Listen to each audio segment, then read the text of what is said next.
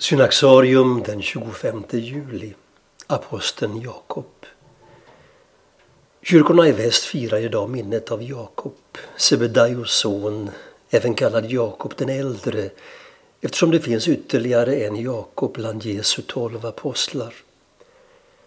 Evangelierna berättar hur Jesus vandrade ut med Galileiska sjön och såg Jakob och hans bror Johannes i en båt där de lagade näten efter att ha varit ute och fiskat.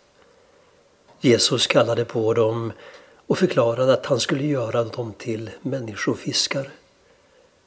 Matteus berättar att de lämnade genast sina nät och följde honom.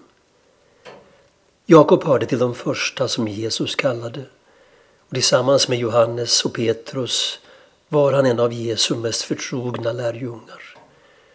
De tre var med Jesus när han uppväckte Jairus dotter, liksom när han förklarades på berget Tabor och våndades i ett semane. Jakob tycks ha varit impulsiv med ett häftigt temperament, något som gav honom smeknamnet Oskans son. Jesus själv fick hålla tillbaka Jakob när hans nitiska kärlek för Kristi sak en gång fick honom att vilja nedkalla eld från himlen över dem som vägrade ta emot Jesus i sin by. Tillsammans med sin bror bad Jakob om att få sitta på platserna närmast Jesus i hans rike. Något som fick Jesus att reagera med orden Ni vet inte vad ni ber om. Kan ni dricka den bägare som jag ska dricka? Jakob blev också den första av apostlarna som fick följa Jesus i en våldsam död när han strax innan påsken år 42 avrättades med svärd under Herodes Agrippas brutala regim i Jerusalem.